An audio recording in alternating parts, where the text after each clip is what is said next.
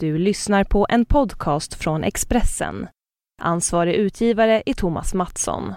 Fler poddar hittar du på expressen.se podcast och på iTunes.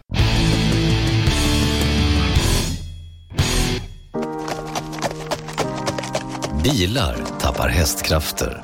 Tappa inte dina. Nu finns ett nytt premiumdrivmedel på Statoil. Miles Plus. Miles Plus renar motorn och ger din bil mer kraft och acceleration. Läs mer på Statoil.se. Tanka Miles Plus på din närmaste Statoil-station. Välkommen! Hej och välkomna till Allt om bilars podcast. Nu är vi äntligen tillbaks. Eh, vi som står i studion är jag, Jan-Erik Bergen och Det är jag, David Jakobsson. idag ska vi prata om eh, ja, vad är bilar va? Ja. Vårt vanliga tema. Vi Ja. har några riktigt roliga, kul, kuliga bilar och lite annat bilrelaterat. Lite häftiga race som har körts här utanför dörren i princip. Och ehm, vi börjar med en riktigt kul bil då. Skoda Superb eller? Skoda är, det, Superb. är den kul? Är det körglädje? Alltså du, nu börjar ju du i den absolut sämsta änden när man ska berätta om den här bilen. Nej, Skoda Superb är inte en rolig bil. Men det är en väldigt, väldigt bra bil kan man ju säga. Eh, Jag var i Florens och körde den här bilen och blev, eh, jag blev överraskad på flera sätt. Um, Var ska jag börja? Först och främst är det, det är komforten. Det är en av de absolut härligaste bilar som Volkswagen har byggt någonsin när det gäller att åka i den. Det, är- den är fantastisk att åka i. Den är jättestor. Jättestor den. den är, Den är över fem meter. Nej inte riktigt. Jag försökte memorera den här siffran här. Men jag kan klicka på datorn så kan jag se precis hur lång den är. Den är 4851 millimeter Mm. lång. Det är ju ganska långt. Men det är inte jätte. Saab 95 nya är ju, var ju över 5 meter. För det var ju en, en, liksom, en grej med den. Den var precis över 5 meter. Ja. Den kändes ju mycket mindre än Frågan är vad de gjorde av alla de centimetrarna. det, ja. det förstod jag aldrig. Och, och hur de har lyckats få i allt det här innerutrymmet som de har fått ut i Superb. Det är ju, det är ju sjukt nästan. Man sätter sig i baksätet. Eh, jag satte mig först i framsätet och ställde in eh, stolen sådär. Ja men nu sitter jag bra. Jag är 1,85 lång. Och sen satte jag mig bakom mig själv så att säga. Och det är alltså två decimeter benutrymme fram till, fram till stolen. Är, Frågan är vad de andra gör som är lika långa. Det finns ju många bilar som är 480, 490. mm. Men vad, vad händer med allt det där riktigt- utrymmet? Ja, som man sitter trångt i baksätet. Och dessutom i den här Superben, det är en halvkombi då som, som, som vi körde. Det kommer en riktig kombi men halvkombin rymmer ju 625 liter last i bak också. Så det är inte bara utrymme för passagerare. Och någonstans, eh, Någonstans har de trollat. någonstans slarvar alla andra bort det här Men visst är det så att de har ännu mer bagage, har baksätesutrymme nu än i den förra eller? Samma. Alltså jag försökte få, få svar på det här. Passaten var ju lite mer nu nya. alltså. Två personer sa till mig att nej det är samma som den gamla. Och en person sa ja det har ökat med 7 millimeter. Så jag, jag vet inte riktigt vad som är sant. För det var ju jättestort redan i den gamla och man undrar vad, vad ska de med det? Vad ska de med det till? Ja, Alltså, fun- varför? Det enda jag kan tänka mig det är när man ska slafsa in en stor barnstol på något sätt. Då, då brukar det ibland bli lite trångt för ungarna när de sitter. Alltså de bygger ganska mycket ibland de här. Mm. Och så sitter de med Bakåtvänt benen. kan det vara svårt. Bakåtvänt kan det vara svårt men även framåtvänt. Och så sitter de med benen in i förarens rygg sådär. Och Ja. det, det är väl inte alltid så härligt. Det är det enda, eh, enda som man verkligen behöver det här utrymmet till. För det här är ju inte en bil som, som säljs till kinesiska företagsledare och kommunpolitiker som Nej, sitter ja. i baksätet och åker. Jag vet inte, eller kanske det är det. Ja, det kanske är det. Jag, jag vet inte. De hade byggt lite på takhöjden i bak jämfört med förra generationen. Och det var ju, var ju skönt. Nu kunde jag sitta utan att eh, förstöra frisyren. Och det, Mm. tackar vi för. Nej men vad, vad, du har sneglat lite på höjden då, hur hög? eh, och- den är rätt hög. Den, nej, den är inte speciellt. Vad är den? Ett, eh, 1468 ja, en, millimeter. en och en halv meter. Det är väl rätt vanligt. Ja det är rätt vanligt för en, Standardhöjd sådär. på en personbil är den rätt vanlig. Ja.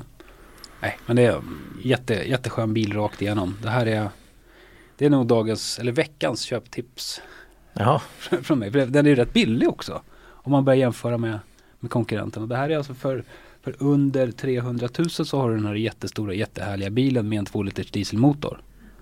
Och det är, det är rätt svårslaget. det är billigare än en Passat då som är. Ja, absolut. Det-. Det, det, det spännande är ju att man, att man för första gången från Skoda verkligen har fått fria händer att bygga, bygga den bil man verkligen vill bygga. Alltså, traditionellt sett så har det här varit ett sånt budgetmärke som får hålla till godo lite grann med, ska säga, smulorna från eh, storebrors bord. Så här, när en Passat börjar gå ur tiden, ja men då släpper de till eh, de här delarna till Skoda. Så Skoda får börja bygga av dem. Men nu är det inte riktigt så. Utan nu har de fått fria händer och bara roffat åt sig bland eh, lagerhyllorna och bygga den här bilen utifrån sina egna kärnvärden. Som, som de säger. Det, Och de ska väl bygga en SUV ja, sägs det. precis. Som vi längtar efter. Det ska bygga en SUV, precis som Seat. Seat Ja. lär väl vara ute först gissar jag. Mm, det kanske blir så ja. Och Bentley om vi pratar om samma grupp. Ja, Men det kanske inte kanske inte riktigt är Men samma det, bil. det såg jag häromdagen, vad var det nu? Aston Martin ska bygga en, ja. en SUV och eh, Lamborghini och Bentley. Och, Lamborghini så har du, det var med en sån där på, vi ju prata om design sa du, Gumball. Det var väl en Lamborghini SUV med, var det inte Ja. det? Stenhård bil.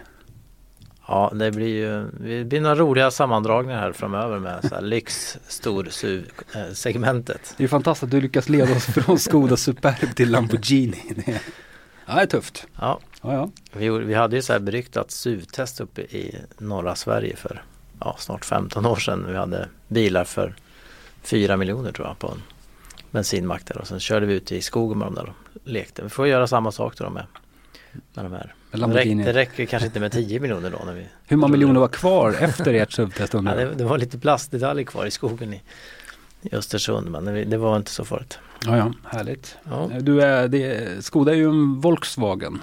eh, Från Volkswagen-gruppen. Du har också varit ute och kört lite Volkswagen. Ja, det blir ju lätt så för de har så hemskt många bilar och modeller. Eh, Jag har ju varit i Verbier eh, och kört Audi Q7 som vi och många andra också har målat upp som den stora utmanaren till Volvo XC90. Eh, Det var ju, vi brukar nämna våra resor här, det var en liten intressant resa till eh, först till München och sen ett litet plan över eh, lite berg där och sen landade i Verbier. Mm.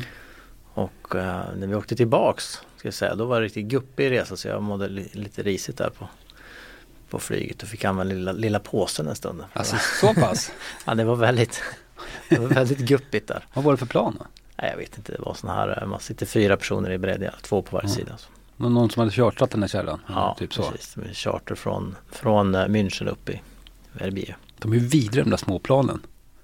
Ja, speciellt när det börjar att gå upp och ner och, Ja. och lite varmt och så här. Ja.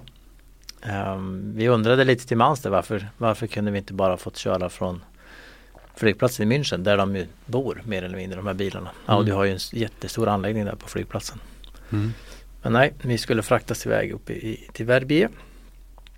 Eh, men det var en jättetrevlig bil. Eh, också där komfort, fantastisk ljudisolering, man, man bara flyter fram. Mm. Eh, jättefin styrning, den jättestora bilen då på faktiskt lite, lite längre än eh, Superben. Eh, kryper närmare fem meter men inte över. Kändes jättesmidig faktiskt. Mhm. Fyrhjulsstyrning som bakhjulen hjälper till och styr lite grann när det går sakta och även när det går lite fortare. Ehm, ja, de visade väldigt mycket olika assistanssystem kan man säga. Det har blivit lite nytt nu på de här visningarna att alla ska visa upp sina olika säkerhetssystem. Så eh, på en parkeringsplats uppe i, i den här lilla alpbyn så hade de eh, rullat fram eh, en sån här släde med en liten docka på Okej. som de körde framför bilen och så skulle då bilen bromsa och det gjorde den ju. Mm. Man, de visade också ett system ungefär som Volvo har då när man, när man ska svänga vänster. Att den ser om det kommer en bil rakt fram, framifrån. Mm. Den fick de trixa lite med innan det fun- funkade faktiskt. För Mhm. att eh, den ville inte bromsa. Om man svängde lite för tidigt framför den mötande bilen så såg den väl inte riktigt bilen. Och svängde, man för sent så reagerade den inte heller. Mhm. Men svängde man vid rätt tid så stannade bilen. Ja, okej. En skillnad mot Volvos system var att det här fungerade i princip från stillastående 0 till 10 kilometer. Volvos funkar väl om man minns att man rullar in i korsningen lite, Mm. lite, med lite fart och ska Precis. försöka svänga. Mm. Men eh, Volvo hade också, jag var ju körde det där systemet, eh, Volvo system i, vad var vi nu? Vi var ju utanför Borås på den här eh, Asta eller redan. Ja, Hällered, eller- vi var Ja, på. Hällered och Ja. Asta Zero. Ja. Och då förklarar de det som att om, om man kommer så att, så att man borde kunna gasa sig ur situationen eller sådana liknande scenarier så reagerar inte systemet att den, den låter föraren så att säga ha kontrollen själv. Mm. Det, det lät ju på något sätt logiskt eller som en skitbra bortförklaring Aha. att vi några gånger massakrerade våran, vårat hinder där. Ja men de hade ganska mycket system där i sin, i sin Audi. Men överlag så kan man väl sammanfatta det med att det var liksom snäppet sämre än Volvos. Det går in, gick inte i lika höga farter och fungerade liksom lite, Säkerhetssystemen. ja, lite sämre. Du, apropå Volvo säkerhetssystem, det var ju den här nyheten om att det var några ljushuvuden som själva ville prova det här fotgängarskyddet i XC60. Ja, ja, det var en väldigt intressant film. Liksom, Det dök upp en film på Youtube där man ser två människor som står utrustade med mobiltelefoner som de filmar med. Och så ser man en silverfärgad XC60 som plötsligt accelererar ganska kraftigt mot de här människorna och helt enkelt kör på dem. och det, det, eh, det var ju lite intressant för först så, så florerade lite nyheter om att det här var en självparkerande bil som några höll på att testa det. Men det, det visade sig inte riktigt stämma men det var istället några några sköningar i Domin Dominikanska republiken som har fått för sig att själva testa det här fotgängarsystemet och se hur det funkar. Och det funkade ju inte alls eh, visade det sig. Det var, det var, och det fanns ju två rätt bra anledningar till. Volvo i Sverige eh, analyserade den här filmen och började jag pratade med dem sen och de sa att ja, det, när man kör en bil på det sättet och gör en kraftig acceleration då, då har man berättat för bilens system att man själv vill ha kontroll över situationen. Mm. Det var det första, så att den ska inte reagera i det här läget. Nummer två, bilen var inte utrustad med det här systemet. För det är tillval som inte den hade. Kunde nog Ja. utlösa från det där. Men, men, men det var ju väldigt klantigt överlag hela den, hela den sekve- Ja. sekvensen. Men om man kommer tillbaks till Q7. Jag åkte ju med min, eh, eller vår kollega Håkan Mattsson på Dagens Industri och vi satt ju där och försökte ja, testa olika, de här olika systemen och, Mm. och hade till farthållare och man kunde, man, den ska bromsa man kommer ifatt man ska, det finns ett kösystem så man, den ska kunna köra sig själv bakom en, en annan bil i Mm. låga farter och eh, den här eh, som håller bilen i samma fil vill man ju prova då. Den är ju Mm. samma system som i Passat så det funkar ju ganska bra. Förutom att de här har inte det här, det här att den bromsar om man inte reagerar efter tre varningar. Mm. Eh, Så allt det här så- försökte vi prova men det, är- det är faktiskt inte helt lätt även om man nu vet ungefär hur det ska fungera att förstå när det nu är det här systemet igång och det här systemet fungerar så här. Mm. Eller nej, nu är det inte igång därför att jag hade gjort så här med farthållaren här. Liksom. Jag Mm. hade stängt av eller jag hade bromsat till där. Ja, då är den inte i funktion längre. Alltså, Jag håller med, det är krångligt. Alltså det är riktigt krångligt och, och, och vi är ju ändå relativt vana vid det här. Man kan ju tänka sig Mm. vanliga bilägare som är ute och kör att vad, hur ska de veta när det, när det är på och inte på liksom? Nej, nej, det är Det, det, alltså det måste ju få Jag tycker egentligen ska det alltid vara på allt Allting ska alltid vara på. eller ja. alltid av. Alltså det, Ja. det, det, är för, det är för krångligt, det är för många variabler nu. Och, Ja, Jag håller med och. Det känns som att det är lite bortförklaring ibland från tillverkarna. Att, Nej men jaha, gjorde ni så? Nej men då ska det inte fungera så här. Vi försökte Alltså- ju också med den här Skoda Superben. Den skulle vara utrustad med det här eh, eh, vad heter, Traffic Jam Assist tror jag de kallar det va? Ett, ett system som gör att bilen ska helt enkelt ta rygg på, på framförvarande fordon och så Ja, ska den ta över gas, där. broms Mm. och styrning sådär.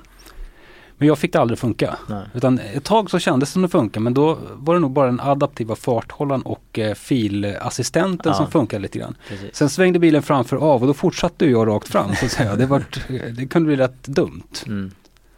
Jag provade ett annat system som är rätt coolt. Att I den här Su- Superben när man om man släpper ratten och filsystemet börjar gå.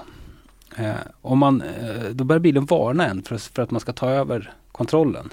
Sådär. Man, fortsätter man att låta bilen köra, då till slut så tvärnitar den Ja. för, för att väcka Mm. en.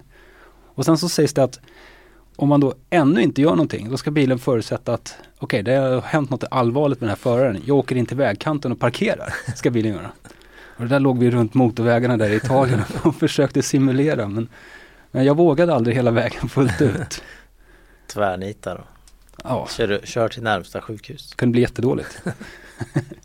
ja, men sådana system lär vi få anledning att prata om. Ja, och det är rätt som sagt en nymodighet på de här testerna är ju då att man, att man monterar upp olika typer av banor där man Mm. får köra här och eh, De hade ju trailer assist såklart på Q7 för det den, jag tror den fick dra två ton. Alltså den är jätte, får dra jättetungt om man Måste dra mer va? Ja det kanske är mer. Ja men han får dra ganska mycket om man nu har körkort för det. Men Mm. trailer assist eh, har vi ju provat i alla möjliga eh, sammanhang. Det här, var, det här ska dock sägas att de hade utvecklat trailer assist jämfört med det som vi har tidigare kört i Passat som byggde på eh, kameran som mäter av vinklar på släpet. Här har man satt in en liten givare i dragkulan. Mhm. Så de mätte vinkeln på släpet i själva kulan. Så. Mm. Jag har aldrig faktiskt provat det där trailer assist. Hur, Ja, men hur funkar det? är Hur gör man? Det är ju rätt bra. Man, på um, Passat så hade man ju den här lilla knappen för när man ställer in eh, backspeglarna. Mm. Eh, nu har man gjort en, i, på Audi hade man gjort en egen knapp för det här. Det är som, som ett litet en vridknapp. Så man kan vrida de olika vinklarna som man ställer in. Så man ställer liksom in en vinkel som man vill ha. Man måste titta åt vilket håll man, man ska ha släpet. Liksom. Mm. Och sen eh, så släpper man ratten och, och kryper bakåt. Liksom. Och styr den själv. Så styr den själv dit så att man hamnar där och så får man vara med och justera då om man ska runt ett hörn och sen räta upp och så. så man, man kör liksom lite med den här ratten. Sitter och vrider lite på ratten så här bara, ja men nu är det bra. Så. Det skulle jag vilja ha i min bil i sommar när jag ska Ja ut med precis, husvagnen. så ska man väl ha, om man har dessutom har backkamera då. Mm. Så man, alltså back på, eller kamera på husvagnen. Mm. Så kan man ju se verkligen att, ja men nu behöver jag justera lite här. Liksom. Tufft. Så man sitter, man kan säga att man sitter med en hand på den här lilla vridspaken och sen eh, eh, tittar man bakåt i backspegeln och så gasar man lite. Så styr man alltihopa där. Men det Smidigt. funkar, ja det funkar ju. Jag måste, jag måste prova det snart. Ja, Du, det är en, en uh, gjuten fråga här nu när du har varit och kört eh, nya Q7 och du tidigare varit och kört nya XC90. Vilken, Vilken- är bäst? vilken är det bästa? Vi har, har ju den jämförelsen på vår sajt. Ehm, våra, vi har ju betygssystemet 10 kategorier och 1 till 5 betyg. Mm. Men i, i en, i en fyra, betyg 4 eller betyg 5 så kan ju någon vara bättre än den andra som har samma. Mm. Därför försökte jag göra jämförelsen rakt av i olika kategorier och Volvo vann med 6-4. Volvon 64. De har, de har ju bättre säkerhet och de har väl bättre komfort. Stolarna är ju, är ju riktigt sköna i Volvon. Mm. Tredje sätesraden upplevde jag faktiskt lite bättre i, i Volvon. Lite högre sits och så. Eh, snäppet bättre faktiskt om man nu ska sitta ända där bak då. Audi var lite trängre. Ehm, jag vet att de Audi har läst det där och skickade mail till mig och påtalade alla mått och sådär. Men jag upplevde det i alla fall som lite trängre i Audi. Det är ju, det är ju en upplevelse hur man sitter man. Ja visst. Hur långa ben har man och, och som sagt är sitsen väldigt låg så, så får man ju knäna upp i Mm. hakan. Liksom. Ehm, ja, det var väl några kategorier där som som Volvo vann. Audi vann väl på motor och miljö. De får ju ut ganska mycket hästkrafter ur den här 3 liters dieseln utan att den släpper ut så mycket. Mm. Ehm, ja, Kommer, pris, kom- kommer prismässigt så är den ju lite dyrare än, än Volvon då, då, men i, men, i Sverige så, alltså det är lite olika också men i Sverige kan jag tänka mig att XC90 är ju kanske ett stabilt köp mm, med tanke på andra hans värde och så. Men det där med att eh, Audi fortfarande har kvar en sexcylindrig 3 liters motor och Volvo bara kör på 2 liters uh, fyrcylindriga maskiner. Är det, är det liksom ett handikapp för Volvo tror du? Eh, nej, det tror jag inte egentligen. Absolut inte. Nu kommer ju fler och fler med trecylindriga. Kanske inte på de här. Jag körde trecylindrig i en annan, en annan Ford-vagn här som vi kan prata om senare men nej, det tror jag inte egentligen. Men det är bara- att den här deras 3 liters sexa är ju helt underbar att köra. Liksom. Är det, Ja. sam, är det samma motor som, vi, som sitter i eh, Touareg till exempel? Ja, nu säger jag Audi, det det är alltid roligt när man är på de olika märkena för varje märke säger ju att motorn är deras i koncernen. Jo, jo. Det sitter med 75 andra modeller. Audi hävdar ju att det är de som är liksom huvudutvecklare av den här Mm. stora motorn. Men den finns ju i de andra. Men den, den, till varje ny modell så har den ju liksom trimmats lite och lagt på tre hästkrafter och sänkt två gram CO2 någonstans. Det står ju Porsche på motorn när den sitter i Cayenne till exempel. Ja. Ja. mm. Men de, de hävdar att det är de som är liksom huvudutvecklare eh, utvecklare av den stora dieseln. Mm. Nej men jag, den är ju bara helt magisk att köra. Men det, Men det är nog ingen nackdel att Volvo har satsat på fyrcylindrigt. Det tror jag inte i, i längden. Nu ska ju de eh, väl framförallt sälja en X90 med hybrid Mm. eh, linan, drivlinan. T8. Ja. Fyndigt, fyndigt namn. ja. Men jag, jag kan ju komma in på Caddy, en annan i samma koncern, Folkvagn Caddy. Det är folkvagnstema idag. Ja, eh, jag var ju där och körde, eller där, jag var i Ja, vad var jag? Så här, Marseille var jag och körde. Eh, Caddy och den här familjebilsvarianten. Och då körde jag ju då den vanliga 2 liters dieseln i Mm. skåp med skåpbil. Ehm, så det var väl inget eh, nytt med den motorn direkt. Däremot så körde jag familjebilen med en eh, enlist, trecylindrig motor som var jättefin att köra. Mhm. Med en femstegad manuell växellåda. Och eh, du vet hur det kan vara när man kör i Spanien eller Frankrike. Det är mycket rondeller, man, man ska hålla Mm. koll på navigeringen och man, det är mycket trafik och sådär. Då och då ham- hamnar man ju med lite för hög växel här och där i Mm. de här rondellerna. Men eh, den eh, tuffade på liksom. Fantastiskt trevligt att köra. Kul. Nu kommer inte den här till Sverige förrän sent i höst faktiskt. Men den kommer väl, ve- vecka 38 har de säljstart för Caddy i alla fall. Mm. Och eh, det är inte bestämt än om, om eh, den trecylindriga kommer i transportbilen. Men de viskade om att det, de gärna såg det som ett alternativ till alla dieslar. Mm. Speciellt om man har en eh, Kanske man har en firma som inte kör så jättemånga mil. Till exempel. Eller ska köra i Oslo. Ja, eller köra i Oslo eller något annat ställe där man inte får köra diesel. Um, nej men de, de, de såg att det kan löna sig faktiskt om man inte Mm. kör jätte, jättemånga mil. Mm.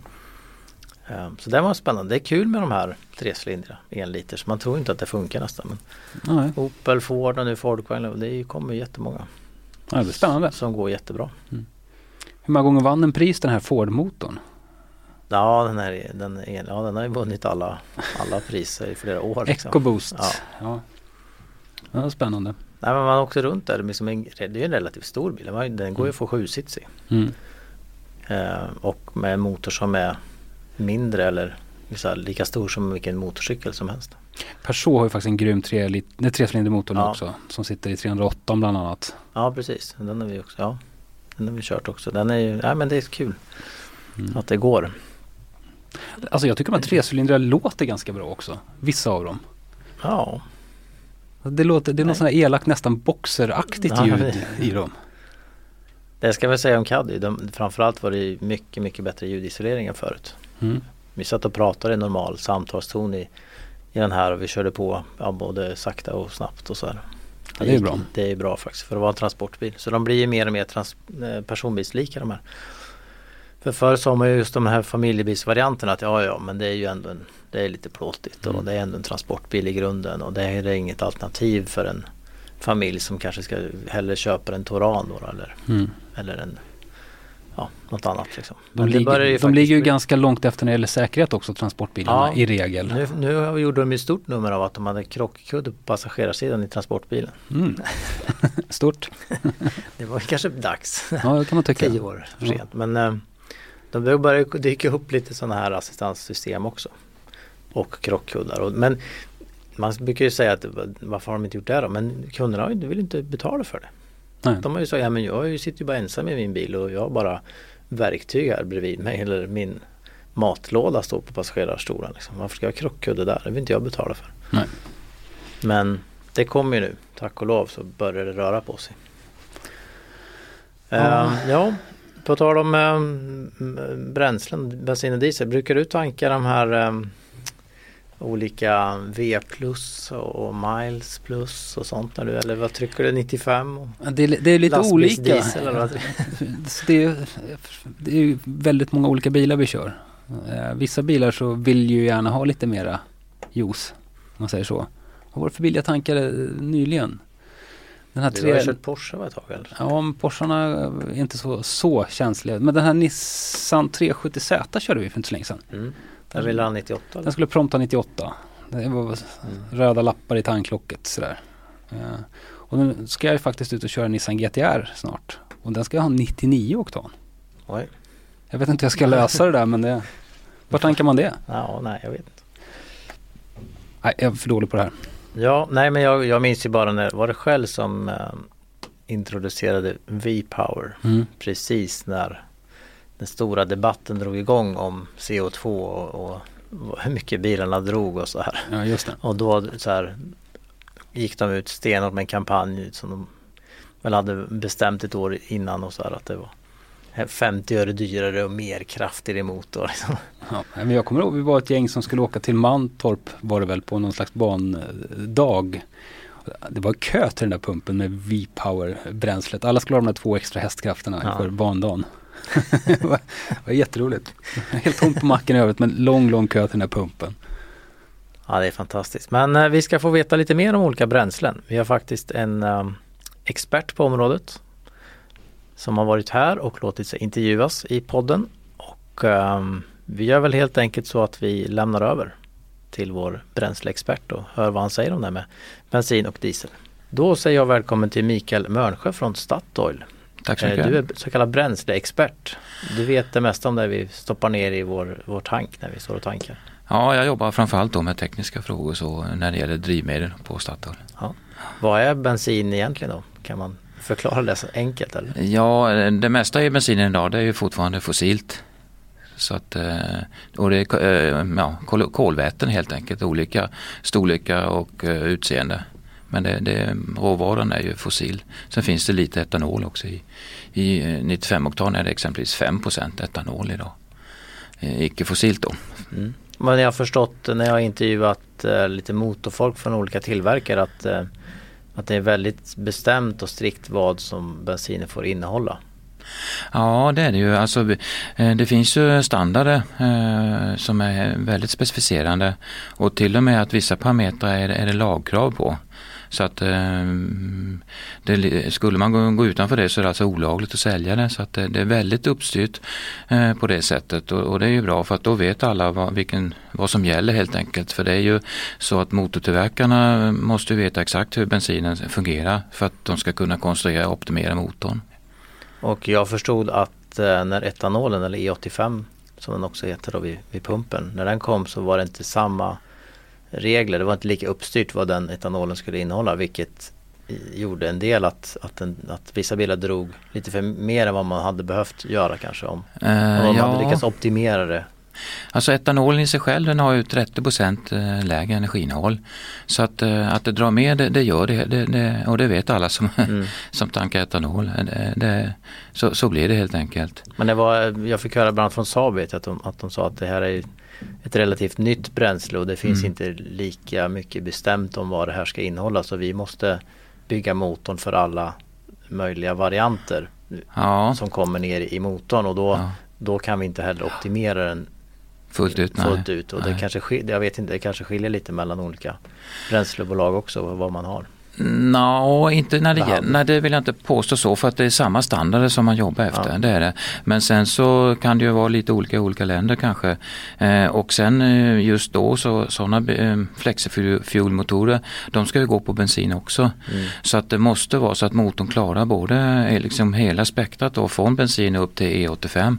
Eh, Och motorn ställer förstås om sig, det gör den så att den känner av vilket Mm. bränsle som är i då. Men, men det, det är ju alltid så att gör man lite ehm, ja, eh, optimera för flera så att säga så går det ju inte kanske hundraprocentigt eh, på det ena bränslet. Nej. Och diesel, det är lika uppstyrt där vad, vad, vad diesel innehåller? Ja, ja, det är samma, alltså det, det är standarder som vi följer och eh, i, i Sverige är det ju eh, både på diesel och bensin är det ju de europeiska standarderna. Dieseln har vi i och för sig en svensk standard som vi också måste uppfylla förstås och i Sverige är vi unika med den här så kallade MK1-dieseln som, som kom för rätt så länge sedan. Den är um, i, idag så är det inte så stor skillnad faktiskt på MK1-diesel och eh, Europadiesel.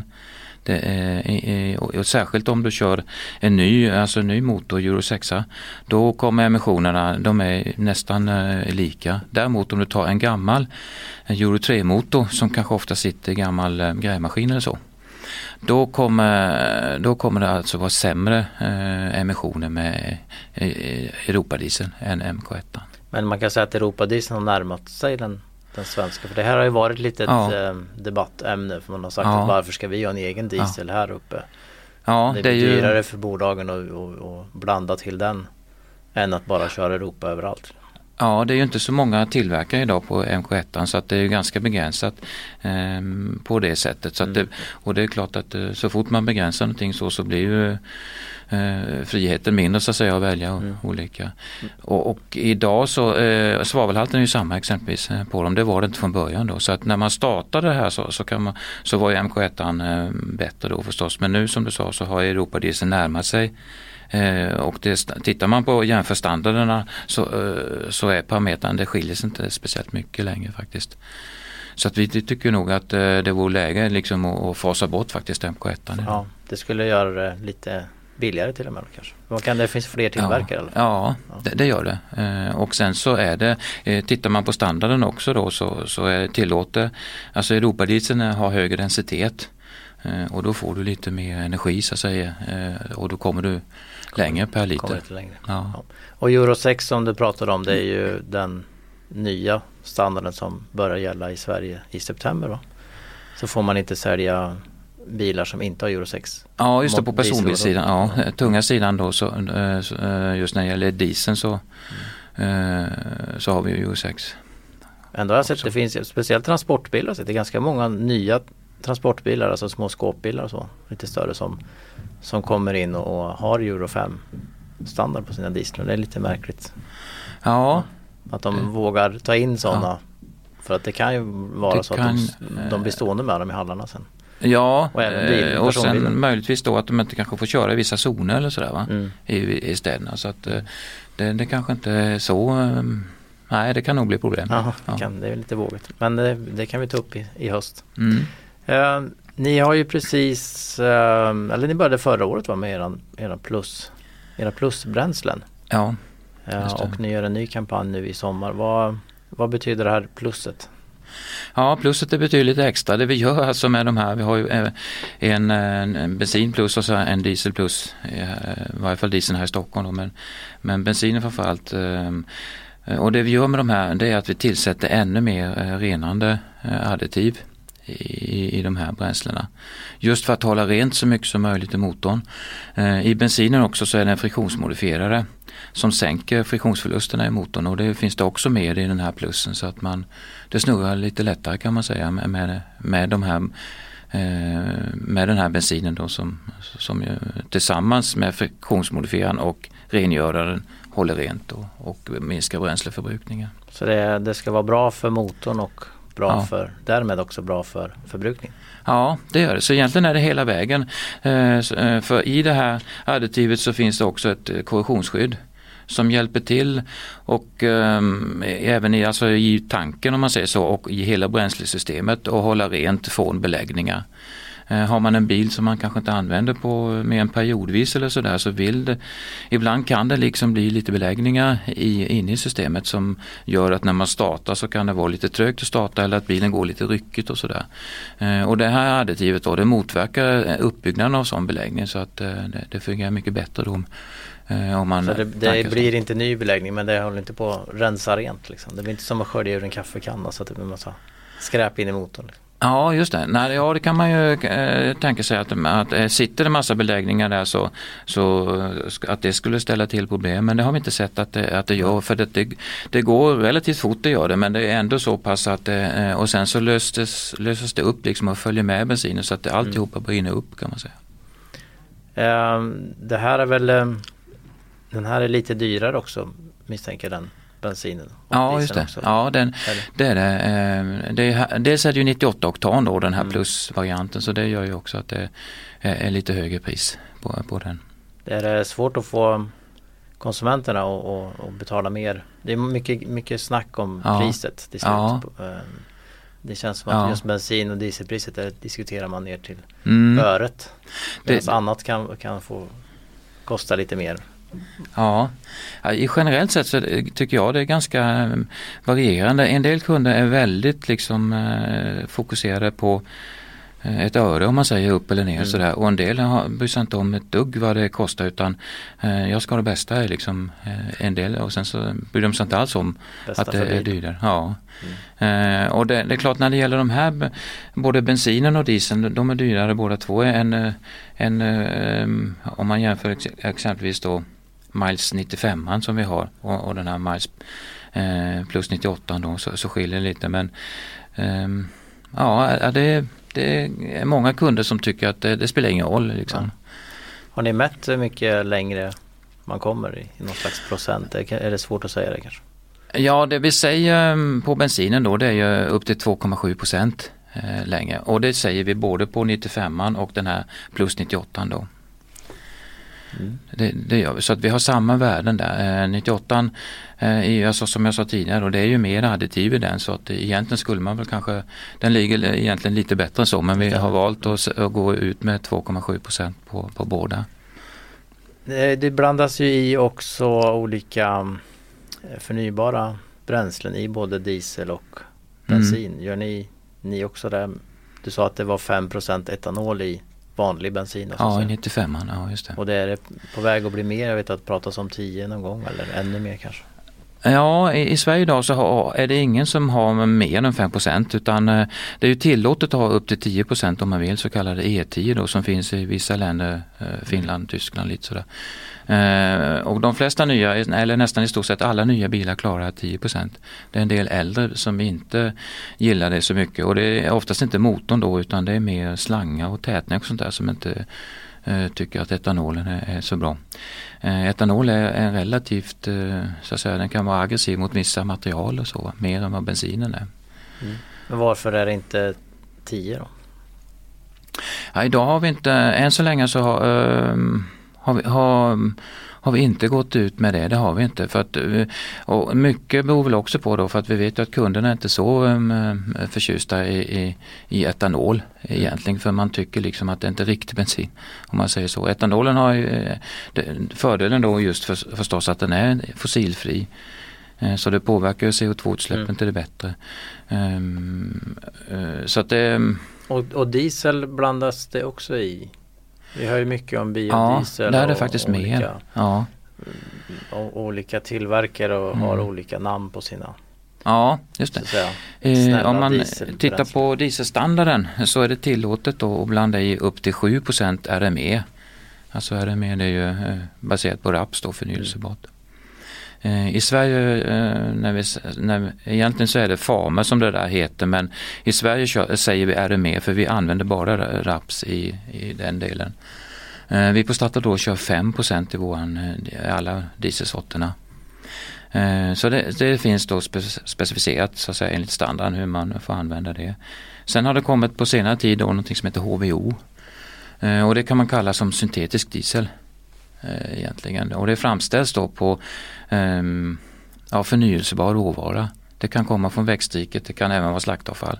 Och den där HVO då, den, den gör man så att den, alltså det blir precis kopia på vanlig diesel så att det är kol, vätemolekyler det också. Så när man blandar in HVO i vanlig diesel så ser man inte egentligen att den finns där. För att det är samma, samma liksom grundämnen om man säger Mm. så. Och det kan man tänka sig då blir det mer av framöver. Ja, den- om, alltså- om man nu har tillgång till Ja, det är inte så många tillverkare idag. Det, det är ju relativt eh, dyr produkt så att det har väl även förstås med skatterna att göra hur, hur utvecklingen blir. Men, eh, men som vi ser det så, så är det ju eh, det kommer nog öka mer och mer, det, det tror vi i alla fall. Man tror att det Det- kanske blir skattelättnader på mer iblandning av Ja, just nu så är det det. Det är snarare så kanske att det blir tvärtom, att det kommer mer skatter på eh, HVO och då kommer den förstås att få ett annat eh, läge. mm. Men eh, sen blir det väl säkert också kvotplikt framöver som eh, just att man måste blanda i en viss del eh, förnyelsebart både i bensin och i diesel.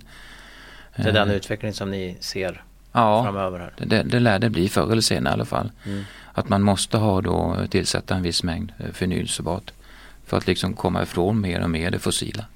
Är det, känns det som en bra Det kanske är en bra väg. Jag menar istället Ja. för att bara ersätta med ett annat drivmedel som, Ja, som man pratar om nu, vätgas eller, eller Eh, speciellt HVO fungerar, alltså mm, tekniskt sett så fungerar den jättebra. Så även motortillverkarna gillar den mycket mer än vad de gillar RME om man säger Mm. så. För RME brinner lite annorlunda så att, eh, mot vanlig diesel så den är svårare liksom att, att, hantera just med de här emissionskraven. Mm. HVO brinner väldigt, väldigt rent så att det blir mindre sot i motorn och, eh, och sådana saker. Och den är jättebra när det är kallt exempelvis. Den är jättebra prestanda när det är kallt. Mm. Eh, är det något annat? Jag tänkte bara också fråga då, eh, är här, följer Sverige Europa i det här, den här utvecklingen eller går vi en egen väg igen? Eller? Eh, nej, vi går kanske inte egen väg, det gör vi inte. Men däremot så vill jag påstå att just när det gäller HVO så ligger vi eh, rätt mycket före faktiskt. Det gör vi. Eh, men ehm, HVO har, motortillverkarna har, har koll på det där så att eh, de, och de gillar det- den. Ja, Så vi ser man inte kan få att det, draghjälp därifrån också. Ja. Istället för ett motstånd som var mot RME. förstår jag. För det var ju mycket snack om avlagringar och det var Ja, det, det, alger i tanken. Och, Ja, just det. Ja. Och där ser vi inte alls alltså de problemen med HVO utan den, den fungerar egentligen som vanlig diesel, alltså fossil diesel när det gäller de tekniska egenskaperna. Men just att den, den har så eh, bra CO2-reduktion eh, när man Mm. använder den. Mm. Är det någon annan utveckling som du ser runt hörnet så här som påverkar oss som är ute på vägen och ska Ja, tanka? här? just det. Nej, när det gäller de här eh, vad ska jag säga, flytande drivmedlen och så, då, är det egentligen inte så eh, utan man har ju bensin och där tillsätter man etanol och sen så diesel då så är det, är det mer HVO som man kan eh, eh, tillsätta i de traditionella bränslena. Och ehm, vad ska vi gissa om priset? Det börjar, brukar börja röra på sig så här års. Att det börjar gå upp lite grann. Ja, ja, Priserna både för Ja. bensin och diesel nu när vi börjar köra mer och det är Ja, det brukar på vara. vägarna. jag har inte, alltså priserna jobbar faktiskt inte jag så mycket med så jag Nej. vet inte om jag vågar säga så mycket Nej. men det, det är väl kanske som det eh, brukar vara på sommaren. Ja, ja. Mm. Men du tror att det är värt att eh, Alltså kan man prova en, en, ett plus bränsle? Kommer man att märka Ja. skillnad? Man, jag förstår att man lär ju då fylla tanken Ja. så mycket som möjligt för att se någon Ja. skillnad så det inte blir någon blandning. Men, men du tror att man kommer att märka det på räckvidden? Ja, alltså det, ja, ehm, det är ju fullt blandbart och så. Va? Så Ja, har man ja, tankat den ena sorten och tar, går över till den andra så, så är det absolut inga problem. Men vi har faktiskt haft kunder både på bensin och på diesel som har ringt rent spontant och sagt att de tycker att motorn går mycket bättre. Mm. Eh, och det, man, alltså det finns ehm, Särskilt om man har en bil då kanske som står still länge och sen startar den så, så det, går den bra med en gång om man säger så. Va? Mm. Eh, och sen så märker man skillnad på bränslebesparingen. Det, det, det gör man. Eh, Sen finns det, förstås, och det har vi sett i de här testerna vi har kört också, att det är olika motorer har lite olika aptit. En del kan dra mindre när man kör på landsväg och en del drar lite mindre in i stan så att det kan, det kan variera lite Mm. på det sättet. Då.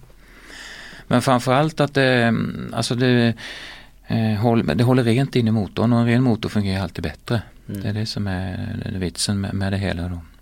Och ehm, är det samma bränsle i, ute i Europa nu om man tänker sig att man ska ut på lång semester? Ja det är samma standard. Ja, Eh, är det det samma, är det. Finns det plus Ja marknader? det gör det, alltså så tillvida, inte förstås exakt samma men det finns eh, samma typer av eh, bensin. Speciellt i Tyskland där har man ju många sådana här premium, kanske med både 99 och 100 oktan och så. Och I dem brukar man ofta tillsätta sådana här, eh, ja som vi säger multifunktionella additiv som, som, eh, som framförallt håller rent då in i motorn. Om det nu är så bra, är det på gång att det, att det blir en standard? Att man tvingar alla att Ja? På eh, bensinsidan så är det faktiskt så att all bensin i Sverige innehåller lite renande additiv och har gjort i flera år. Eh, för det måste man ha enligt drivmedelslagen då. Eh, däremot på dieselsidan så, så är, det, är det fullt tillåtet att köra alltså utan additiv om, om man vill. Så att idag är det lite mix då men på bensin så, så finns det, så är alltså alla bensin är additiverad. Det vi har gjort nu med Miles det är att vi tillsätter mycket, mycket mer så att säga för att Mm. få en rejäl effekt. Då. Ja, vad bra. Då ska jag tacka så mycket för din tid här Ja, och eh, vi får väl återkomma. Vi ska försöka göra det här, något slags test vet jag med, med Ja. någon bil här. Ja. Så vi kan jämföra och se om vi får de här 2,7 procenten längre räckvidd eller ännu mer kanske. Bra, tack så mycket. Tack, tack. Ja, då var vi tillbaks och då har vi lärt oss allt om eh, Miles Plus och eh, deras olika både bensin och diesel och vad det är. Vet du vad det är i, tanken egentligen? Eller? Ja, Ja. jag vet han det är diesel eller bensin i regel. Och jag har hittills aldrig lyckats tanka fel. Nej, det kommer ju hända. Ja, snart. det är klart det kommer. Ja. Men jag har en liten regel för mig själv nu eftersom vi byter bil ibland flera gånger per dag. Så, så jag, får, jag, får jag inte stoppa in den förrän jag verkligen har läst att det står där. Så jag läser alltid texten även om jag vet. Så här, Okej, diesel. Tittar på pumpen, D. Och sen så, okej, men det verkar stämma. Mardröm att göra bort sig med det där. Ja, jag berättade ju om den här um, eh, SUV-körning uppe i Norrland. Då Mm. när vi var på väg upp så var det ju en i gänget av, jag tror det var 11 förare som eh, råkade trycka i eh, fel i en Mercedes ML tror jag det var. Mm. Nu kommer jag inte ihåg om det var bensin eller diesel som skulle, skulle vara och inte vara. Men fel blev det i alla fall. Dyrt blev det. Dyrt blev det kanske. Ja, vi, Mm. han, vi fick ju stopp på det innan, Mm. innan vi startade bilen i alla fall. Mm. Det var en eh, relativt känd racerförare som var med och körde som, Det, är ingen, som, ingen, det är ingen som du vill hänga ut. Nej, det finns i, i arkivet så står det väl nämnt någonstans. Ja. Men det var kul att det var egentligen var den mest erfarna av alla som gjorde felet. Mm. Men det är ju speciellt när man, när man hoppar mellan bilar. Mm. Ja, jag tror- vet inte om det var någon som eh, tankade fel här i Gambol men Ja, det var hur det som säkert. helst så var, så var ju ett helt gäng, det var ett hundratal bilar då, som startade i Gambol 3000 i Stockholm. Mm. Från Stockholm till Vegas. Ja, eh, men de körde inte så väldigt många meter till slut va? Eller? De åkte mycket båt och flyg, eller flyg i alla fall. De Några- körde ju till. Oslo, Oslo, Köpenhamn, Köpenhamn, Amsterdam och sen åkte de över vattnet. Mm. Och så gick de i mål som förra helgen, när vi spelade in det här så är det väl igår va? Mm.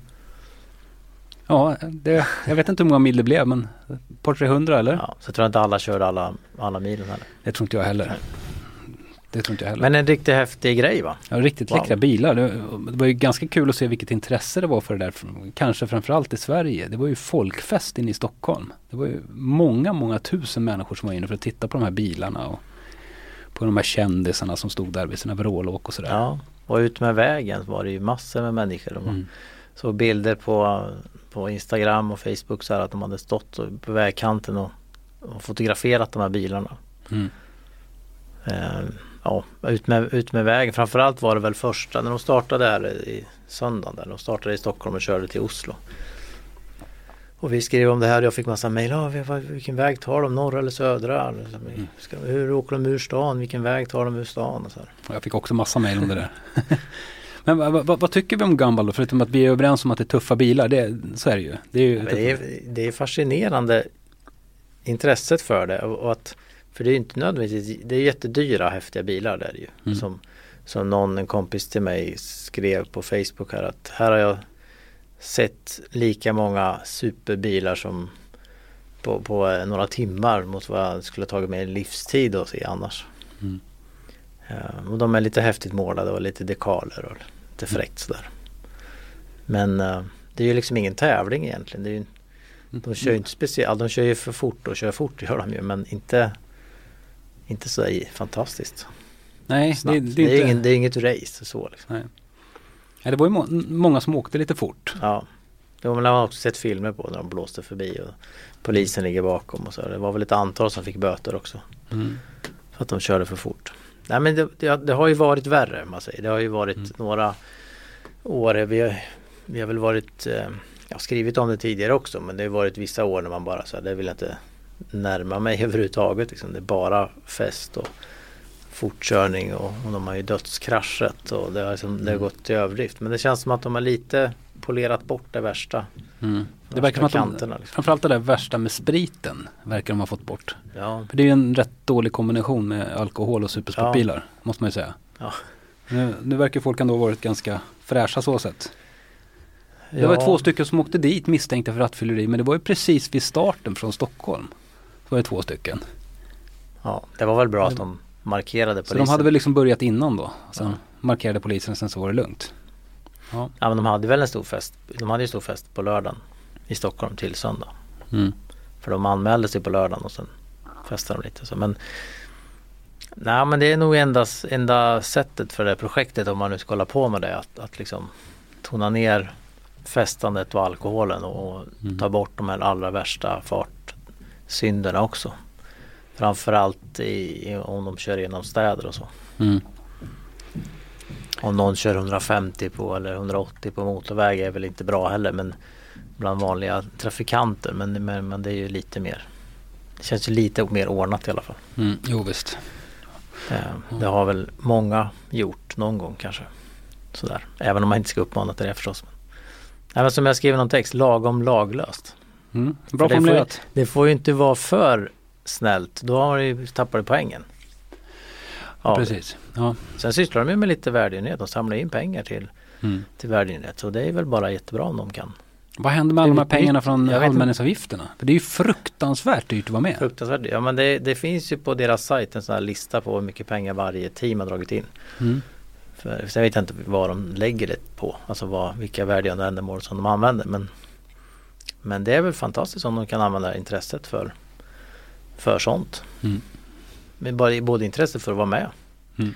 För det var ju många, många som, jag såg ju bilder från USA. Då dök ju Lewis Hamilton upp Mm. i Las Vegas. Och han hade ju skrivit på Twitter och sådär och uppmanade. Vad, vad hände liksom? Och han tog bilder på bilen. Och, Mm. ehm, ja, olika andra Hollywoodkändisar fanns ju med i, i det här följet i alla fall som åkte runt. Mm.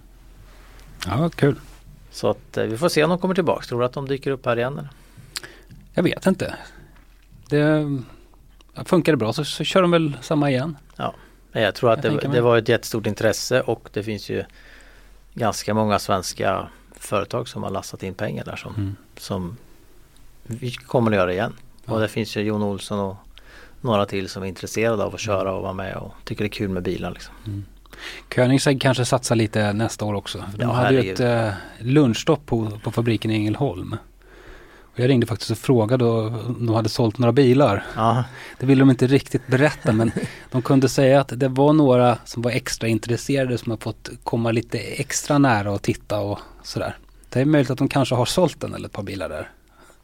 Då vill de säkert ha tillbaka det här gambalgänget nästa år också kan jag Ja. tänka mig. Om du säljer en, en, bil för 10-15 miljoner. det var det också folkfest. Jag såg att det var människor på, på, ja, utanför eh, fabriksområdet där som Mm. Var där och väntade in dem och tog bilder och, och hurrade och hejade liksom. Nej men wow vilken PR-grej för dem. Ja, jättekul. Eh, de var ju på Suzuki och körde lite Mm. med Koenigsegg-bilarna. Slog något varvrekord jag minnas. Precis, precis innan. Vi hade lite Mm. koll på Christian där om de skulle hinna tillbaks till, Mm. till, till Gumball. Och sen körde väl Lewis Hamilton en Koenigsegg. Han körde ju en. Koenigsegg. Ja. Det är vilken PR-vinst. Ja. Ja. Det.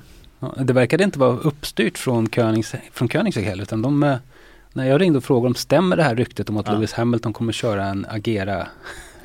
Jag så här, ja, vi har också fått den informationen. Vi är naturligtvis jätteglada för det. Så här, ja, det kan man ju ge sig på att ni är. Liksom. Världsmästaren i Formel 1 sätter sig i eran bil när han kontrakt med en annan biltillverkare. Det är ju tufft. Ja, det har inte dykt upp många bilder på det. Det är, alltså, det, det, är, Mm. det är lite skumt evenemang på det här sättet. För det, Mm. det är ju en PR-apparat igång runt omkring det. Men Mm. det är inte som andra. Liksom, där det bara öser upp på med bilder och, och eh, möjlighet att träffa och intervjua och ta ännu fler bilder. Alltså det känns lite sådär. Och, men det är väl lite smart av dem också att behålla det lite sådär exklusivt. Att vi Ja. inte riktigt ska få titta in i den här världen bland de här uh, superrika, superkända. Utan vi ska bara, bara få ana lite. Det är lagom hemligt också. Ja. Det var ju bilder på Lewis Hamilton när han stod och tankade den här Koenigseggen. Dök ju upp på Twitter. Ja, ja. Eller om det var Instagram möjligen. Det var, det var rätt kul. Sen kan jag tänka mig att han, som du sa, att han är bunden med ett Mercedes-kontrakt. Han kanske inte öser på jättemycket med att här är jag med en Koenigsegg. liksom. Men det, det var nog så här att den där bilen som han körde det, var, det är en specialbyggd bil som kallas för Agera HH. Den är byggd alltså för någon rik amerikan som har Ja, ja. specialbeställt den med specialspesar sådär. Och den här bilen han har lånat då. Mm. Han har lånat den av en privatperson som Koenigsegg uttryckte det då. Mm. Det var- Och det var just den bilen som han stod och tankade där på den här Mm. macken någonstans. Men då har du sett Need for Speed-filmen? Ja, Nej. då måste du ju se den. Ja, jag måste Där, göra det. ju, där kör de ju Koenigsegg i, i slut, uh, slutscenen. Så det är ju också väldigt häftig reklam från. Nej, jag är för dålig på att se på film, jag måste bli bättre. Ja, men den, den, jag tror faktiskt jag hyrde den på en sån här streamingtjänst bara för, bara för att, bara för att se den. Mm, jag måste göra det. Det är Ra- riktigt jag har sett Rush åtta gånger däremot, vi pratade om det sist för något år sedan. Ja men den här är faktiskt, ja det är ju inte alla, alla de här racingfilmerna som är bra och den har väl sina brister men den är faktiskt cool eh, Om man har kört spelet Need for Speed så ser man Ser man verkligen att det hör ihop. Mm. Och det har de gjort smart och snyggt tycker jag. Har Ja, vi något mer på vår, punkt, på vår lista där med punkter? Eller? ni hör, vi har förberett oss. Ja. Eh, Volvo. Ja. Om vi nu ska gå Har- från det här liksom super, superglammiga och eh, Koenigsegg-bilar och så vidare så ner i den svenska myllan lite grann så Så kan vi jag- se, får vi se Zlatan i en XC90 i Gumball eller? ja kanske, det skulle vara tufft. Eller Avicii, det är deras nya, nya omslagspojke. Ja, se vad de, det finns ju rätt många som inte tycker att det är bra att, han, att de eh, håller på och leker med Zlatan. Vi får se vad de tycker om Avicii då. Ja jag, jag har ingen aning. Alltså jag är nog lite för gammal för det här Avicii-grejen. Men Avicii. jag har inte fattat hur stor han är men han, han är tydligen det. Han är jättestor. Det, det dök upp en väldigt snygg bild på honom när han var på väg till uh, Summerburst nu Mhm, i Göteborg i en X90. Okej. Bra. New Beginning eller något kallas, kallas för Mm. deras kampanj va? Just det. Och så då var det, det var liksom rubriken på den bilden. En riktigt snygg så interiörbild när han var på väg in. Ja, ja. Du har kört en funkar. lite mesigare variant av en fast ny bil från dem. Ja, eller är det en ny bil? Ja, Eh, vad ska vi säga? Det är, en, det är på den gamla bilen men en ny variant. Den, den har fått ett nytt eh, efternamn. Eh, Jag har kört nya V60 Cross Country. Det är, mm, vad ska vi säga, det, det är en vanlig eh, gammal hedlig V60 som eh, har fått lite högre markfrigång. Den har fått lite snygga skärmbreddare och hasplåtar. Eh, lite ök- utökat spårvidd i fram också har den fått. Och eh, voilà så har man den här. Det är kan man säga lillebrorsan till XC70. Som det har ju varit Mm. en superpoppis bil i Sverige under Ja, massor av år. Eh, så det är väl eh, nästan konstigt att den inte kommer förrän nu tycker jag den här lilla V60 Cross Country. ja, det känns väl som att de Det känns som att den nya ledningen som har tagit det här beslutet Den var nog inte med i planen Från Ford-tiden, tiden, tror Nej. jag. Utan det är nog sen eh, det nya gänget kom in som de tyckte att det här är en bra idé. Fa- Faktum är att det är en bra idé. För att Mm. den här bilen är, tro- trots att det är väldigt små förändringar egentligen. Det handlar ju om design och lite högre markfrigång. Eh, så har den fått en komfort som inte är att leka med. På, vad har de gjort? Är det ny fjädring? Alltså dels är det ju den här, Mm. den här fjädringsvägen som är lite längre. Men sen så handlar det väldigt mycket om att det är andra, det är andra hjul på bilen. Det är mycket Mm. mer gummi i de här däcken än vad som sitter i en vanlig V60. Och det gör att den blir både mjukare och tystare. Eh, så att jag njöt när jag körde runt med den här Mm. bilen faktiskt. Ja, låg profil kan ju vara hemskt. Ja det är vidrigt. Jag förstår inte varför. Nej. Kan vi uppmana alla, alla pressmänniskor på alla biltillverkare att sluta sätta på lågprofil på testbilen. De vill att det ska se snyggt ut på bild. Ja, hua. Men ibland är de så eländiga som inte ens orkar fota dem för att de bara bullrar.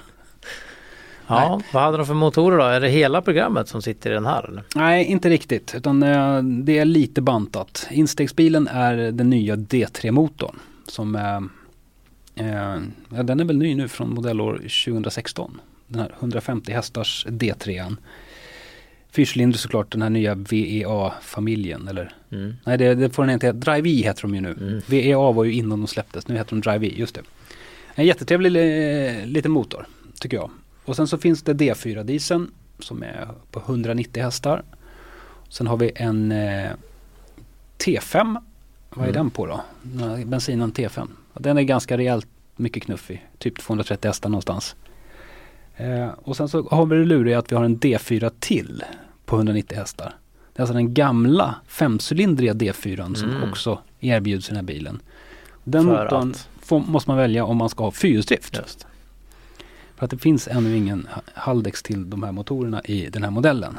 Och det är ju jätteknäppt såklart. Att antingen så får jag välja på en ny motor och tvåhjulsdrift eller en gammal motor och fyrhjulsdrift.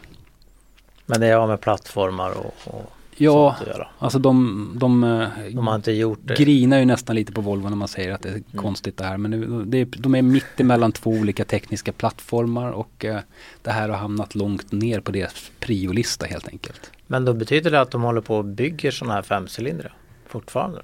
Ja, den här motorn byggs ju fortfarande. Mm. Så är det ju. För nya bilar liksom, som kommer att bygga. Ja. Mm.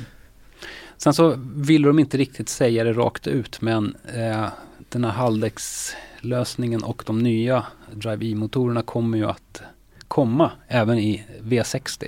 Mm. Kanske från modellår 2017 vad det verkar. Så de Så det här verkar vara en, väntar inte in en, en, att den görs om helt. Det nya V60 så att säga. Alltså det var som sagt när jag var Ja. nere i, i Göteborg nu och pratade med dem så var det, Mm. det var lite, lite så här hysch hysch och någon råkade säga lite för mycket och Ja. sådär. Men det verkar som att förmodligen från nästa modellår, alltså 2017 så. För antingen så Så- väntar de ju, byter ut motorerna när de byter Mm. modellen helt. Mm. Eller också måste de leva med den här. Precis. eh, Nej, men, men det här nu, skalet och sätta in nya motorerna i det gamla skalet. nu har de ju ändå tekniken, liksom, de har ju ändå fyrhjulsdriften i, i XC90 med, med de här nya motorerna till Mm. exempel. Och det är inte jättestora grejer de måste göra men det är bara att de har inte hunnit med. Nej. Typ så. Blir spännande. Ja, ja, men det blir ju kul hur den här kommer att tas emot. Ja, Du har skrivit pris där såg jag från. Från 320 000 Mm. med eh, D3. Det är ju naturligtvis skitdyrt för en sån här eh, liten bil, måste man ju säga. Men den är, den är bra. Ska jag gnälla på den också då? Eh, Inte Det- Venagall. ja, det finns massvis att gnälla på. Nej, inte massvis, men lite. men vi hade ju en långtestbil, en, en eh, V60, gamla D4-motorn. Det är för det. Mm. Eh, och där eh, vart ju både du och jag ganska varse om att lastutrymmet kanske inte är riktigt bäst i klassen. Och utrymmet i baksätet kanske inte riktigt är bäst i klassen. Utan där, där är ju Volvo, ligger de efter. Mm. Om man kollar på konkurrenter som nya Golf All-Track eller Skoda Octavia Scout heter den väl. Den kan man Mm. väl också räkna som en konkurrent. Experience, Seat. Seat Experience. Ja det är ju samma bilar de där. Det är 150 liter mer de där bilarna nästan Mm. att lasta. Och mycket bättre plats för benen. Men den kommer ligga ganska bra som uh, tjänstebil eller? Mm. Det kommer bli ett lågt förmånsvärde på Skulle tro det. jämfört med andra då. Men alltså vill man ha en bil som man åker skönt i först och främst. Mm. Och som ibland klarar att forcera en liten snövall eller ett eh, lerhål på landet eller sådär så är det här en ganska bra bil faktiskt. Mm. Jag gillar den jättemycket. Vi har ju precis i dagarna fått försäljningssiffror. Nu har inte jag läst, eh, läst på exakta tal och så men den säljer ju ganska bra. Eh, V60 fortfarande men det som är överraskande nu är att, att V70 Classic eh, som nu kommer, eller den, den säljs ju fortfarande som V70 bara då. Den eh, säljer ju fantastiskt bra. Mm.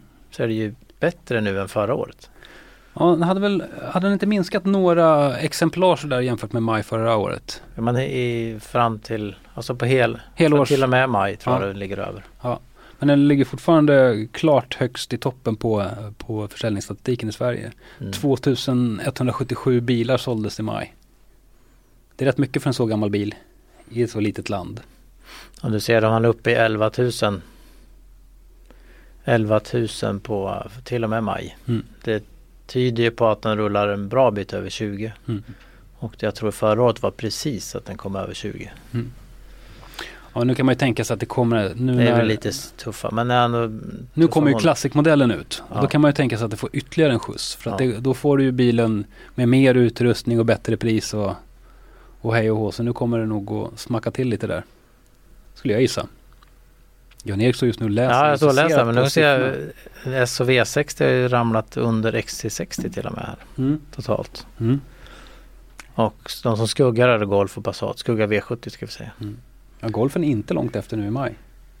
Men om vi ska gå händelserna i förväg så tror jag kanske då att ehm, Volvo har ju också sagt att det är nästa nästa halv, sena halvår, alltså hösten 2016. Då kommer de nog för, troligtvis få det lite tufft i toppen.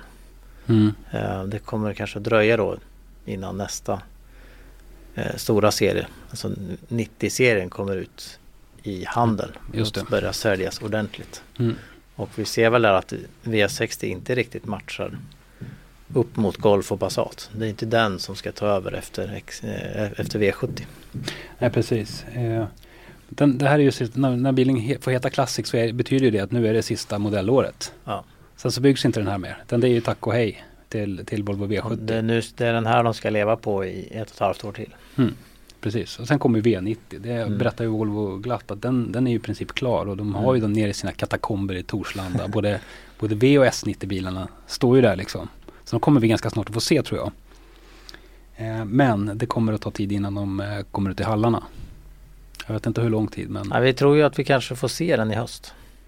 ja. Och så kanske börja byggas då i vår, nästa vår, om ett år. Mm. I så fall så har vi ju inget glapp. Då bygger de hela modellåret eh, 2016 då fram till våren. Vecka. Ja men om de börjar bygga vecka 2022 någonstans. Och så kommer de inte riktigt igång och börja sälja dem förrän nästa höst. Alltså det blir ingen stor volym förrän sent nästa år. Liksom. Nej. Så att nästa helår, alltså 2016 kan det kanske de kryper under 20. Mm, Kanske. den mest sålda bilen. Mm. Ja, spännande. Det blir jättespännande. De har, ju, de har ju sagt att i Sverige är det ju 20% marknadsandel som gäller totalt. Det är, finns inget att välja på. Det är där de ska ha. Mm. Sen är det ju då Kina och USA som är, som Ja, är lite det intressant Det är där också. de tjänar pengar. Ja. Ja. Det blir spännande. Vi kommer att tjata jätte- jättemycket om eh, både V90 och S90. Vi kommer att tjata så mycket om den så att vi tröttnar på den lika mycket som jag är trött på XC90. Tror jag. ja, du har något spännande på gång då framöver? Eh, nej, inte speciellt mycket. Det var någon Porsche igen va? Det såg inte här i någon lista. Ja, men den försöker jag mörka för dig lite. nej, men det är inte än. Den ska inte jag köra förrän efter midsommar. Det är den här eh, Cayman eh, GT4. Just det. Innan dess ska jag ju köra nya uppdaterade GTR. Nissan GTR. Nissan GTR, ja, precis. 0 till Ja, 100 på 2,7 sekunder. Vad tror du om det? Spännande. Jag har en M4 Cabriolet i garaget som vi hämtade idag. Mm. Jag ska köra lite och den ska jag byta mot en i8 faktiskt innan. Precis, kör några dagar. Du vet, vi har nästan ett helt gammalt 3000 här nu. Jag, C63 AMG är på väg in. ja, oj, oj, oj. Och en annan spännande testkörning som ni kommer få höra mycket om när det är dags. Framåt juli är ju nya Audi R8. Just det. Som vi ska köra på en bana i Portugal.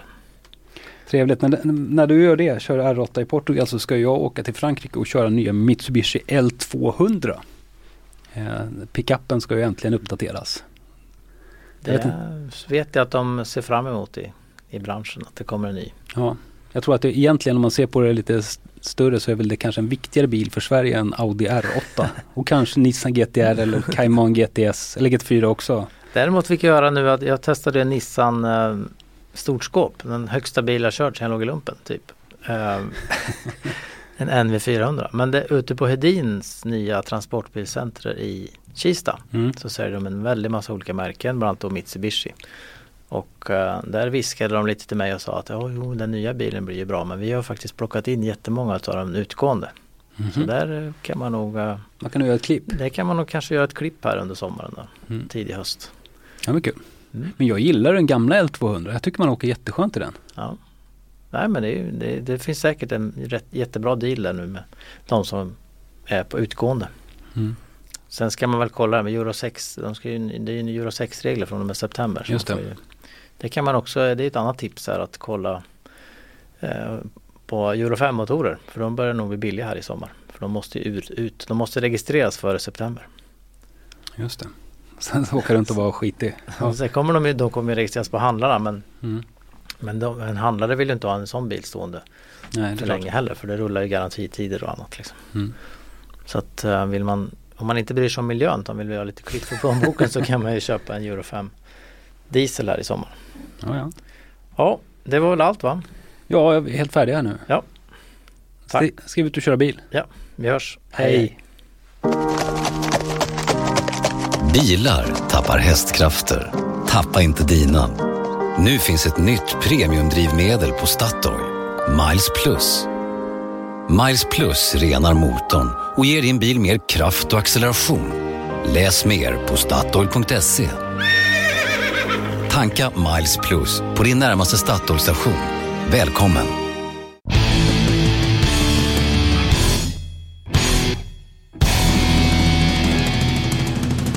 Du har lyssnat på en podcast från Expressen. Ansvarig utgivare är Thomas Mattsson. Fler poddar hittar du på expressen.se podcast och på iTunes. Aj, aj, aj, det kluckar i rören. Men det är väl inget att bry sig om? Jo, då är det dags för de gröna bilarna.